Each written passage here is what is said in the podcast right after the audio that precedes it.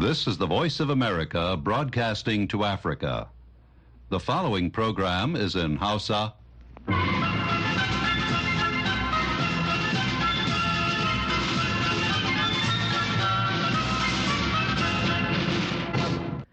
Sashen Hausa na muryar Amurka ke magana daga nan birnin Washington DC.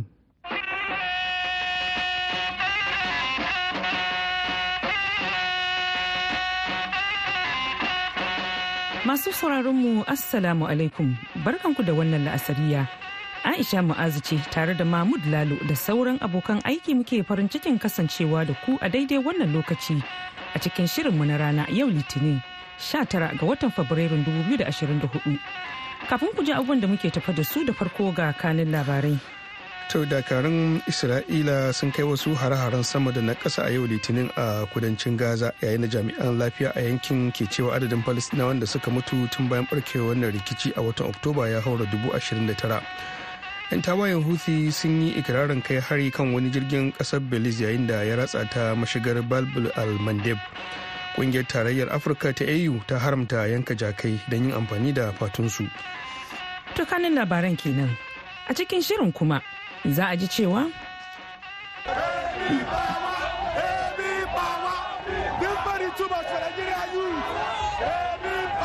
We are protesting today because of the bad government. We have been expressing as a citizen of Nigeria. sannan za a ji yadda 'yan wato al'ummar jihar kaduna suka fuskanci hare-haren 'yan bindiga da sanyin safiyar jiya lahadi ne dai 'yan bindiga suka afkawa garin gindin dutse makele da ke gundumar kufanan karamar hukumar kajuru da ke karamar hukumar kaduna da a nan ne kuma suka kashe mutane goma sha biyu sannan kuma suka kona gidaje har guda goma sha bakwai. Ta bayan nan kuma baban gida jibril zai gabatar muku da shirin ilimi garkuwar dan adam. Kuma a wannan makon shirin zai nazari ne akan yadda ƙarancin manyan malaman jami'a yake janyo tasgaro a fannin ci gaban ilimi a najeriya. Da kuma ƙoƙarin da gwamnatin ƙasar take yi wajen tabbatar da da'a a makarantu amma fa kafin mu kai ga duk waɗannan sai mun fara da shan kashi na farko na labaran duniya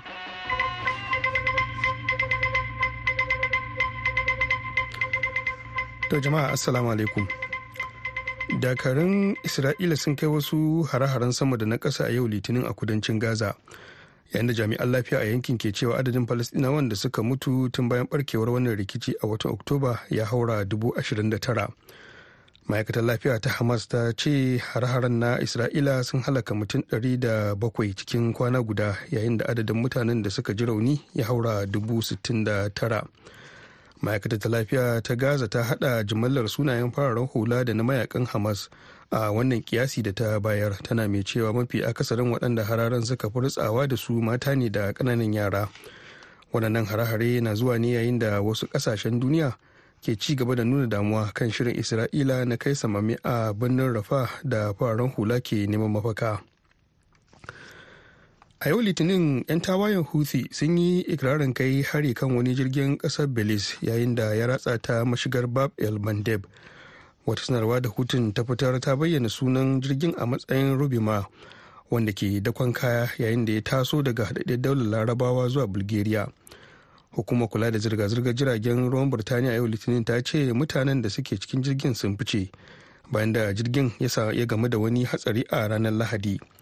Mayakan na houthi sun fara kai hare-hare kan jiragen 'yan kasuwa ne tun daga watan nuwambar bara inda suke amfani da jirage mara matuka da makamai masu linzami a tekun maliya.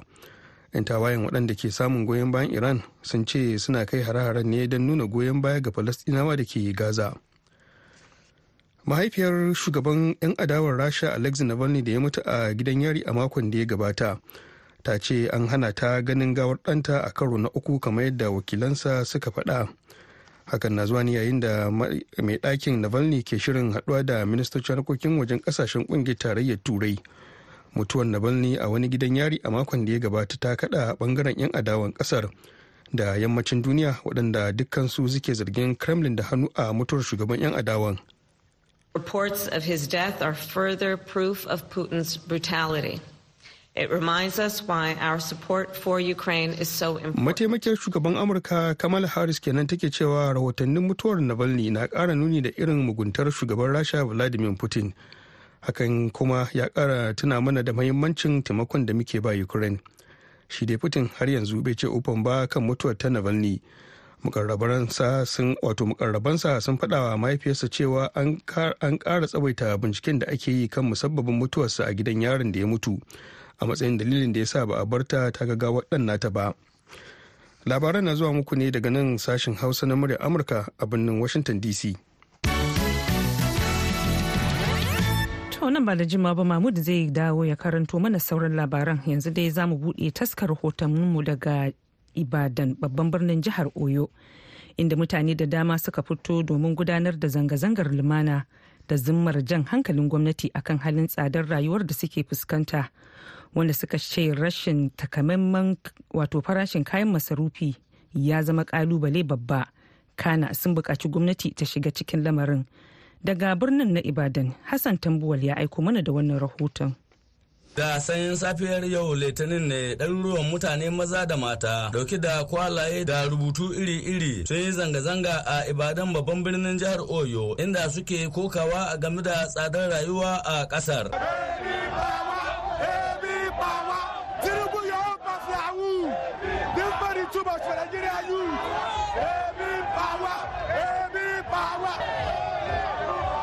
Wata mata ɗaya daga cikin waɗanda na shirya zanga-zangar ta roƙi gwamnati da ta taimaka ma jama'a don ana wahala. Go peacefully protest to tell Nigeria to please come to our aid. Nigerians are suffering.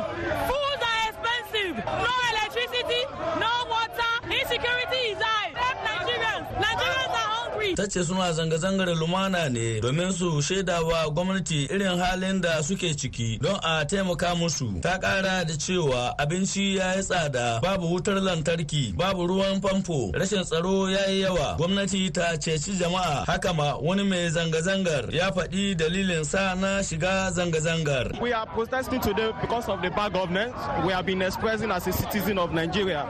And it was it's so unfortunately that uh, we, we find ourselves in this kind of situation at this point in time. 50% of them we are, we are youth. No job, unemployment, no food, inflation, cost of living is extremely high. So we are so disappointed in this governance. Suna zanga-zanga ne saboda gwamnati da kyau suna zanga-zanga ne a matsayin su na 'yan Najeriya. Abin takaici ne irin halin da sun ka sami kansu a ciki a halin yanzu. Kashi 80 daga cikin masu zanga-zangar matasa ne kuma babu aikin yi babu abinci. Farashin kayayyaki ya tashin zabi. Yunwa ta yi yawa sosai rayuwa ta yi wuya sosai. Wannan gwamnati bata kyauta musu ba. Wani mai zanga-zanga ya ce kwanon gari da aka sani da arha a can baya. Yanzu ana sayar da shi akan naira dubu ɗaya da ɗari biyu.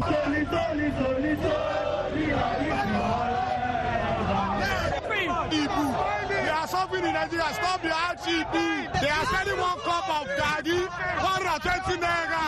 And the day before, the Gagi now has equally to normal food now. Masu zanga-zangar da suke ɗauke da kwalaye masu rubuce-rubuce kamar haka na jin yunwa. Tinubu 'yan Najeriya na wahala. Babu tsaro. Komi ya ɓaci. Komi ya yi tsada da dai sauransu. Jami'an tsaron 'yan sanda, sojoji, civil defense a shataletalen unguwar makwalla a cikin birnin Ibadan suka kewaye masu zanga-zangar don hana yin wani tashin hankali. Ganin masu zanga-zangar sun yi tataki daga unguwar makwalla ibadan. Sun kabi ta hanyar itinare zango ibadan. Suka je a gaban jami'ar ibadan waton uae sai bodija har zuwa unguwar gates ita ma a cikin birnin na ibadan. Tare da rakiyar jami'an tsaro. Idan ba a manta ba an taɓa yin irin makamaciyar wannan zanga-zanga a jihohin niger kano da kuma lagos hassan umar tambuwal murar amurka daga Ibadan a Najeriya.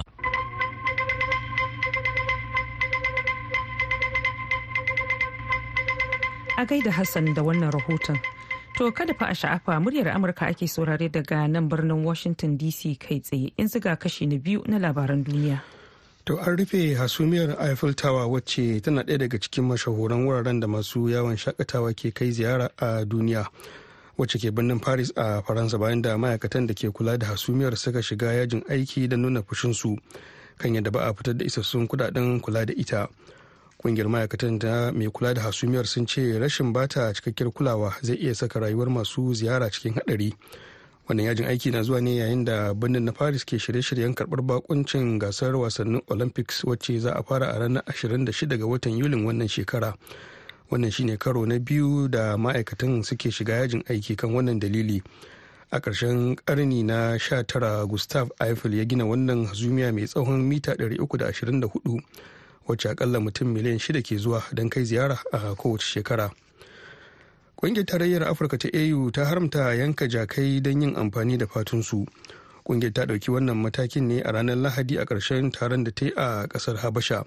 Matakin da ake ganin zai taimaka wajen kare jakai miliyan 33 da ke nahiyar.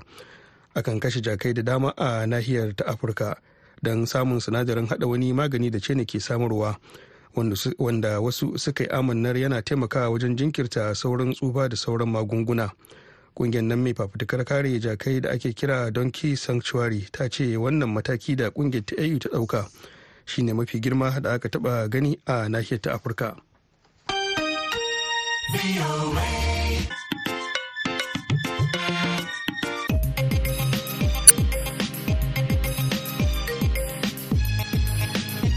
Mahmud Lalo kenan ya karanto mana labaran duniya daga nan sashen Hausa na muryar Amurka a birnin Washington DC.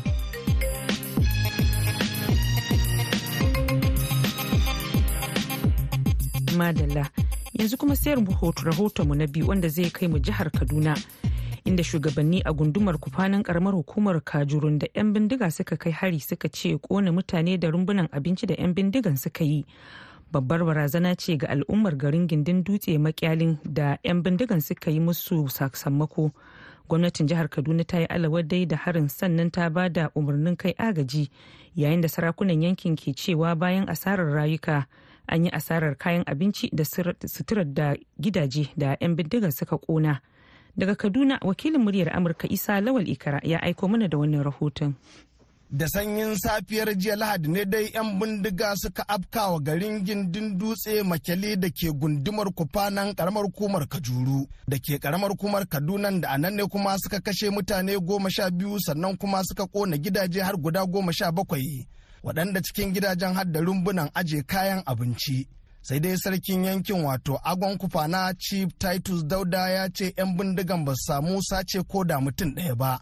A sakamakon lokacin da suke ƙoƙarin guduwa da mutanen sai kuma ga sojoji. An kona gidaje guda goma sha bakwai. Kuma mutum nawa ne suka mutu? A mutum goma sha biyu an yi jana'izar su kuma mutane bakwai suna asibiti. Sun ɗibi mutane ne? A'a wato intervention na soja ne sun riga sun tattara mutane da suka ga sojoji sai suka gudu. Za ka ga gidajen da aka kona akwai yadda ake yi hati a rumbu duk aka ƙone su. Sun zo ba ba kaɗan ba ne fa sun zo in a good number. Sunana Pastor Yakubu Hassan daga Doka. Karfe shida na safe mata su riga sun tashi ma su yi nikan alalle wata ma tana sa a gwangwani ne za ta dura wuta. Sai ga su kawai sun shigo a wurin aka kwanta da ita. Wayansu da kyar sun iya fitowa dakuna ba kayan sawa abinci duka an koko ne abin kwanciya duka an koko ne. Wayansu kuma an ƙone su a cikin dakunan. Su waɗanda suka mutum kuna ne ko harbi? Eh akwai wanda wuta ne akwai wanda kuma harbi ne. Kafin wannan wannan hari dai sai da 'yan bindigan suka kai wasu hare-hare a yankunan ƙananan komi igabi da ƙaura.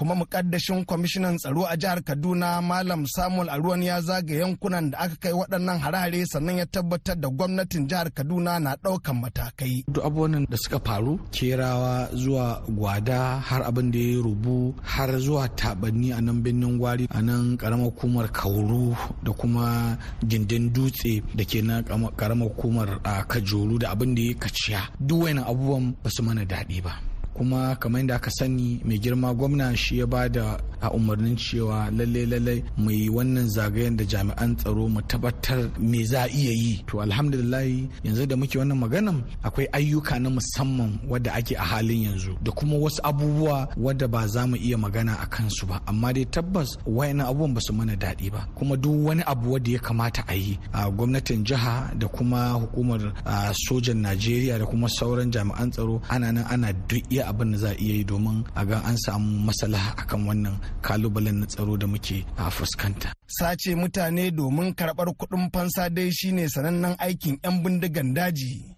kuma ganin wannan karan ƙone gidaje da dukiyoyi 'yan bindigan suka yi ya sa masani akan harkokin tsaro manjo hashin ko nunar da wata manufa. Akwai alamomin tambaya duba da irin ta'annatin da aka yi. An kashe mutane, an kona wa'yansu suna cikin wurin kwanansu kuma ba a kawo maganar an tafi da wa'yansu ba. Wannan yana nuna kenan kamar wani hari ne na ramuwar gayya ko kuma na neman a yi tsokana ta yadda za a hargitsa mutane su zamanto suna shakku ko kuma suna zargin junansu har in aka yi wasa gwamnati bata shigo da wuri ba ya zama sanadiyar da za a samu rarrabuwan kan al'umma wanda yana zargin wannan wanda yana zargin wannan. Amma dai duk da haka koma menene bai rasa nasaba da ta'addanci wanda yake duk ƙoƙarin da gwamnati za ta yi ta magance shi lallai lallai dole gwamnati ta yi wani abu ta ɗau mataki na bai ɗaya a baya dai an dan samu saukin har-haren yan bindiga a wasu sassan jihar kaduna.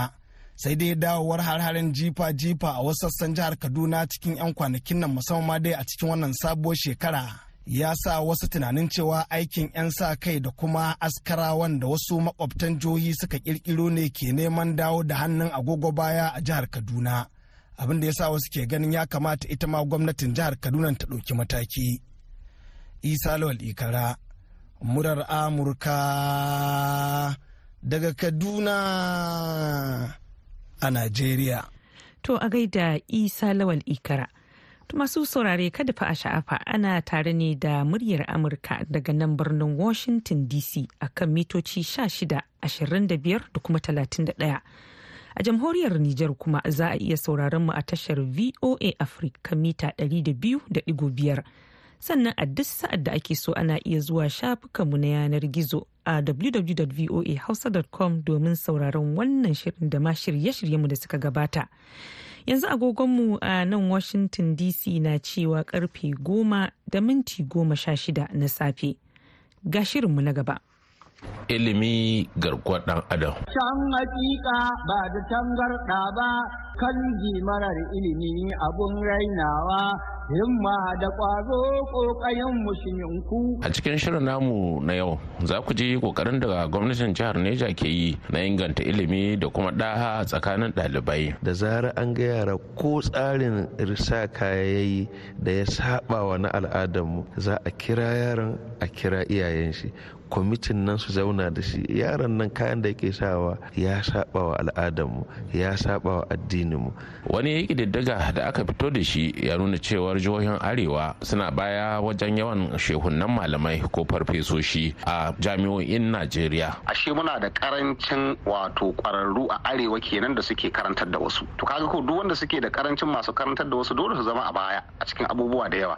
Saboda haka wannan ƙalubale ne ƙwarai da gaske. Haka kuma za ku ji halin da ɗalibai da ma iyaye ke ciki dangane da taɓarɓarewar tattalin arziki da hakan ya shafi ilimi. Da fatan za a yi sauraro lafiya. Kanji marar ilimi abun rainawa himma da ƙwazo ƙoƙayen musulminku. to madalla wani ƙididdiga da aka fito da shi a kwanan nan ya nuna cewar jihohin arewacin najeriya suna baya wajen yawan shehunan malamai ko malaman jami'o'i da aka fi sani da farfesoshi shi dai wannan ƙididdiga ya nuna cewa yankin kudu maso yammacin najeriya shi ke da mafi yawan farfesoshi inda suke da shehunan malamai dubu uku da sittin inda kuma yankin kudu maso kudu wato south south ke da dubu biyu da casa'in sai kuma yankin arewa ta tsakiya ke da dubu ɗaya da dari biyar da goma sha shida a inda yankin kudu maso gabashin najeriya ke da dubu ɗaya da dari huɗu da talatin da huɗu. Yankin arewa maso yamma ke da farfesoshi dari tara da arba'in a inda yankin arewa maso gabas ke da farfesoshi uku da saba'in da tara. Abinda kuma ya sa shehunan malamai irin su dr bashir yankuzo na jami'ar kimiyya da fasaha da ke mina suke ganin da sake a tafiyar ba da ilimi musamman a yankin arewacin najeriya baki ɗaya. Wannan abin takaici ne ƙwarai. Yanzu idan ka ga alƙaluma da ake wato ainihin faɗa dangane da yawan farfesoshi za ka ga farfesoshin da suke arewa kan kaf su kaf arewa. To in ka ɗauki wasu jihohi ƙwaya biyu a cikin jihohin kudu to adadin farfesun su ya fi na arewa ma baki ɗaya. To wannan abin takaici ne. Kuma in ka ɗauki adadin yawa na wato ainihin yan arewa ka ɗauki yawan nama abin sai ba da mamaki ƙwarai da gaske. Abin da ke kawo haka kuma shine rashin mai da hankali akan harkar ilimin. Mutane nawa nawa ne wato ainihin suke mai da hankali akan 'ya'yansu su je su karatu ko bayan sun karatun su tsaya su karantar su ma. Domin ai ba za ka zama profesa ba dan ka je kawai ka yi karatu ka fito daga jami'a.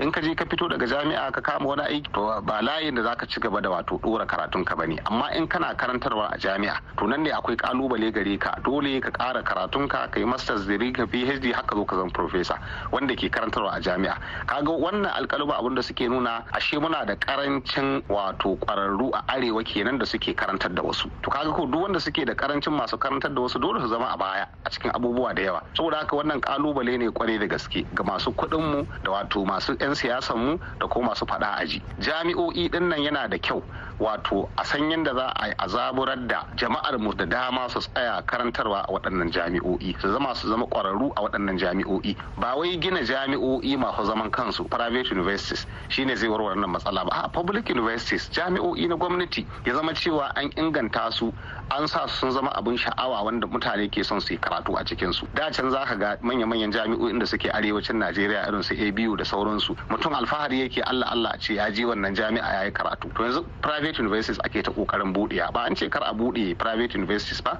amma public universities ɗin har yanzu fa su ne fa wato abun dogaro wurin wato ainihin gina ingantaccen wato ainihin ilimi a wannan ƙasa tamu. Saboda haka arewacin najeriya in son samu ne gwamnatocin arewacin najeriya su yi haɗaka su riƙe wato ainihin wannan jami'o'i musamman a wato ainihin jami'o'in da suka daɗe kuma suke da kayan aiki. Wannan shine saboda haka ƙarancin wato ainihin farfesoshi a arewa wannan wato abin takaici ne ƙwarai da gaske. Amma abu ne wanda zai gyaru idan dai har akwai wato ainihin wato ainihin niyyar haka daga waɗanda suke masu faɗa aji saboda muna da matasa hazikai duk bannan da ake ganin ana matasa suna aikin banna suna aikin suna da hazaka ne. Hazakar mutum in ba a sa ta ta hanyar da za ta amfanar ba sai amfani da hazakar ta hanyar da zai cutar. Amma ka karkatar da hazakar ta inda zai amfana sai ga an amfana da shi kuma shi ma ya amfana da kansa. Saboda haka da fatan cewa gwamnatocin arewacin najeriya tare da masu faɗa aji masu mulki da masu kuɗaɗe za su wato ainihin karkatar da hankalinsu wurin wato kwaɗaitar da 'yan arewa kwadaitar da su su shiga jami'o'i kuma su zauna a jami'o'in su karantar sannan da dawo da kima da martabar malamai waɗanda suke karantarwa.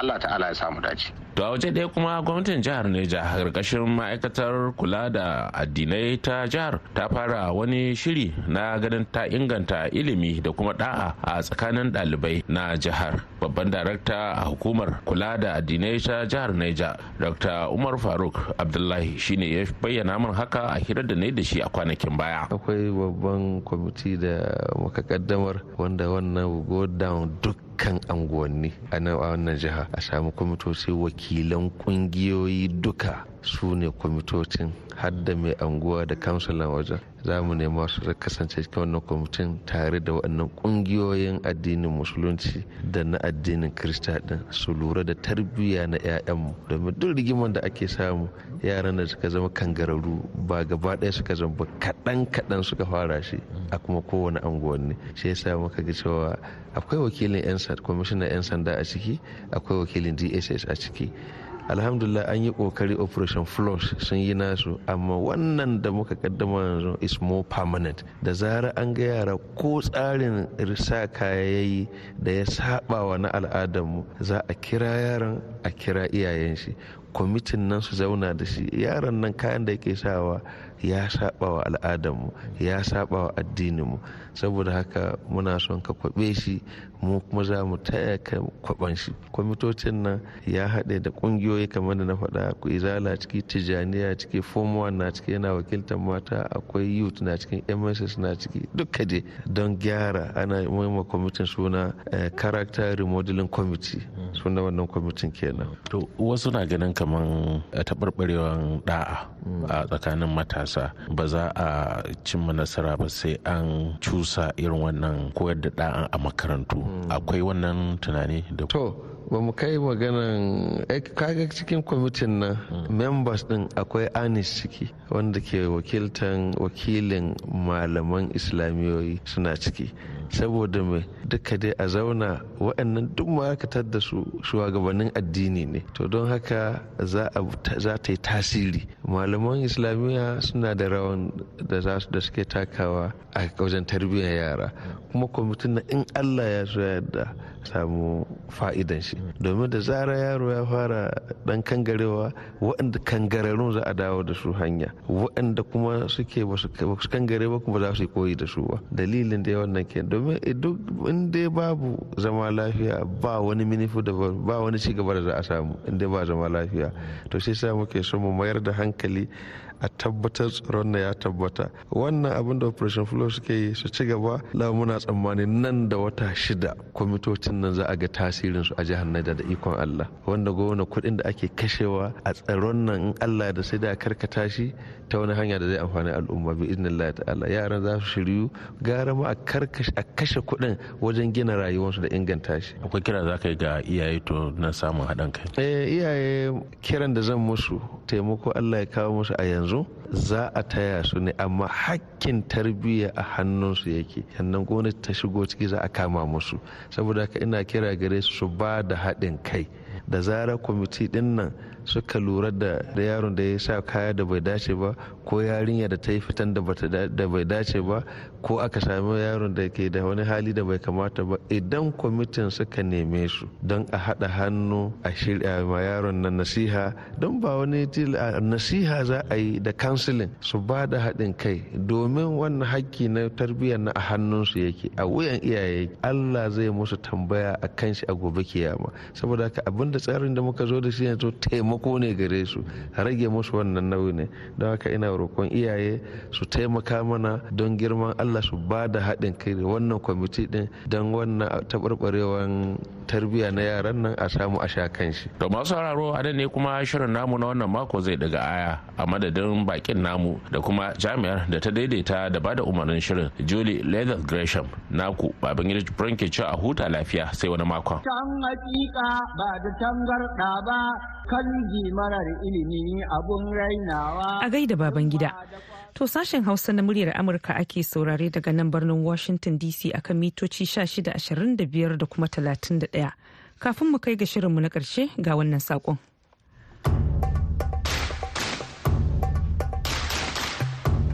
Masu haro muna farin cikin sanar da ku cewa yanzu shirin duniyar Amurka da ke kawo muku al'amuran da ke faruwa a sassan ƙasar ya koma shafukanmu na sada zumunta.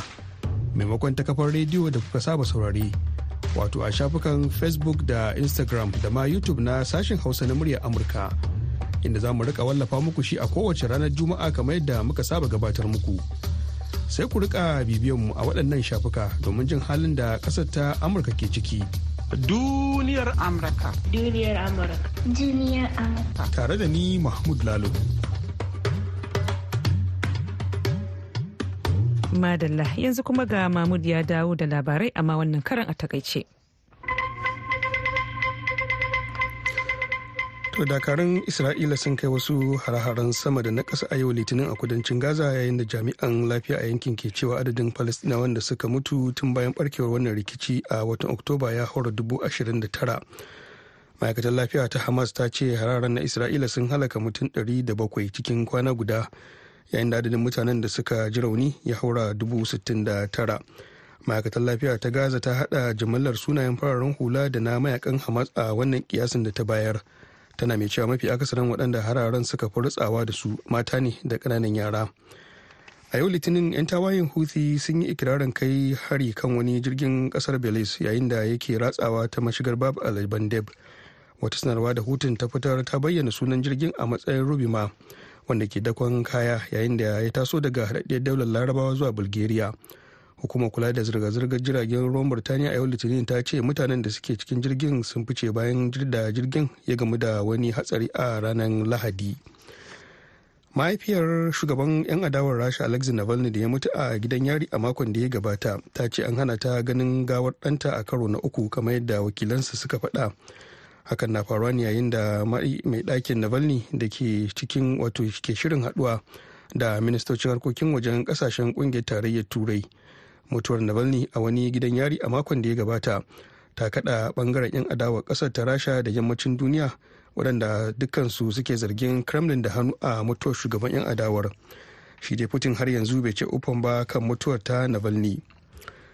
An rufe hasumiyar eiffel tower wacce tana ɗaya daga cikin mashahuran wuraren da masu yawon shaƙatawa ke kai ziyara a duniya To masu sauraro da takaitattun labarin za mu yi sallama da ku a cikin shirin namu na wannan lokaci. Sai kuma zuwa can an jima da misalin ƙarfe tara da rabi agogon Najeriya, Nijar, Kamaru da Chadi wanda ya daidai da ƙarfe takwas da rabi agogon GMT da Ghana. Idan mai duka ya amince mu dawo da shirinmu na dare. Yanzu a madadin Mahmud Lalo da ya karanto mana labarai sai kuma wacce ta shirya ta ba da umarni Julie Lathers Gresham da ma injiniyanmu na wannan lokaci Mr. Alfredo. ni aisha mu'azu nake muku sallama amma kada a yi nisa da akwatin rediyo domin shirin matasa shirin yau da gobe na nan.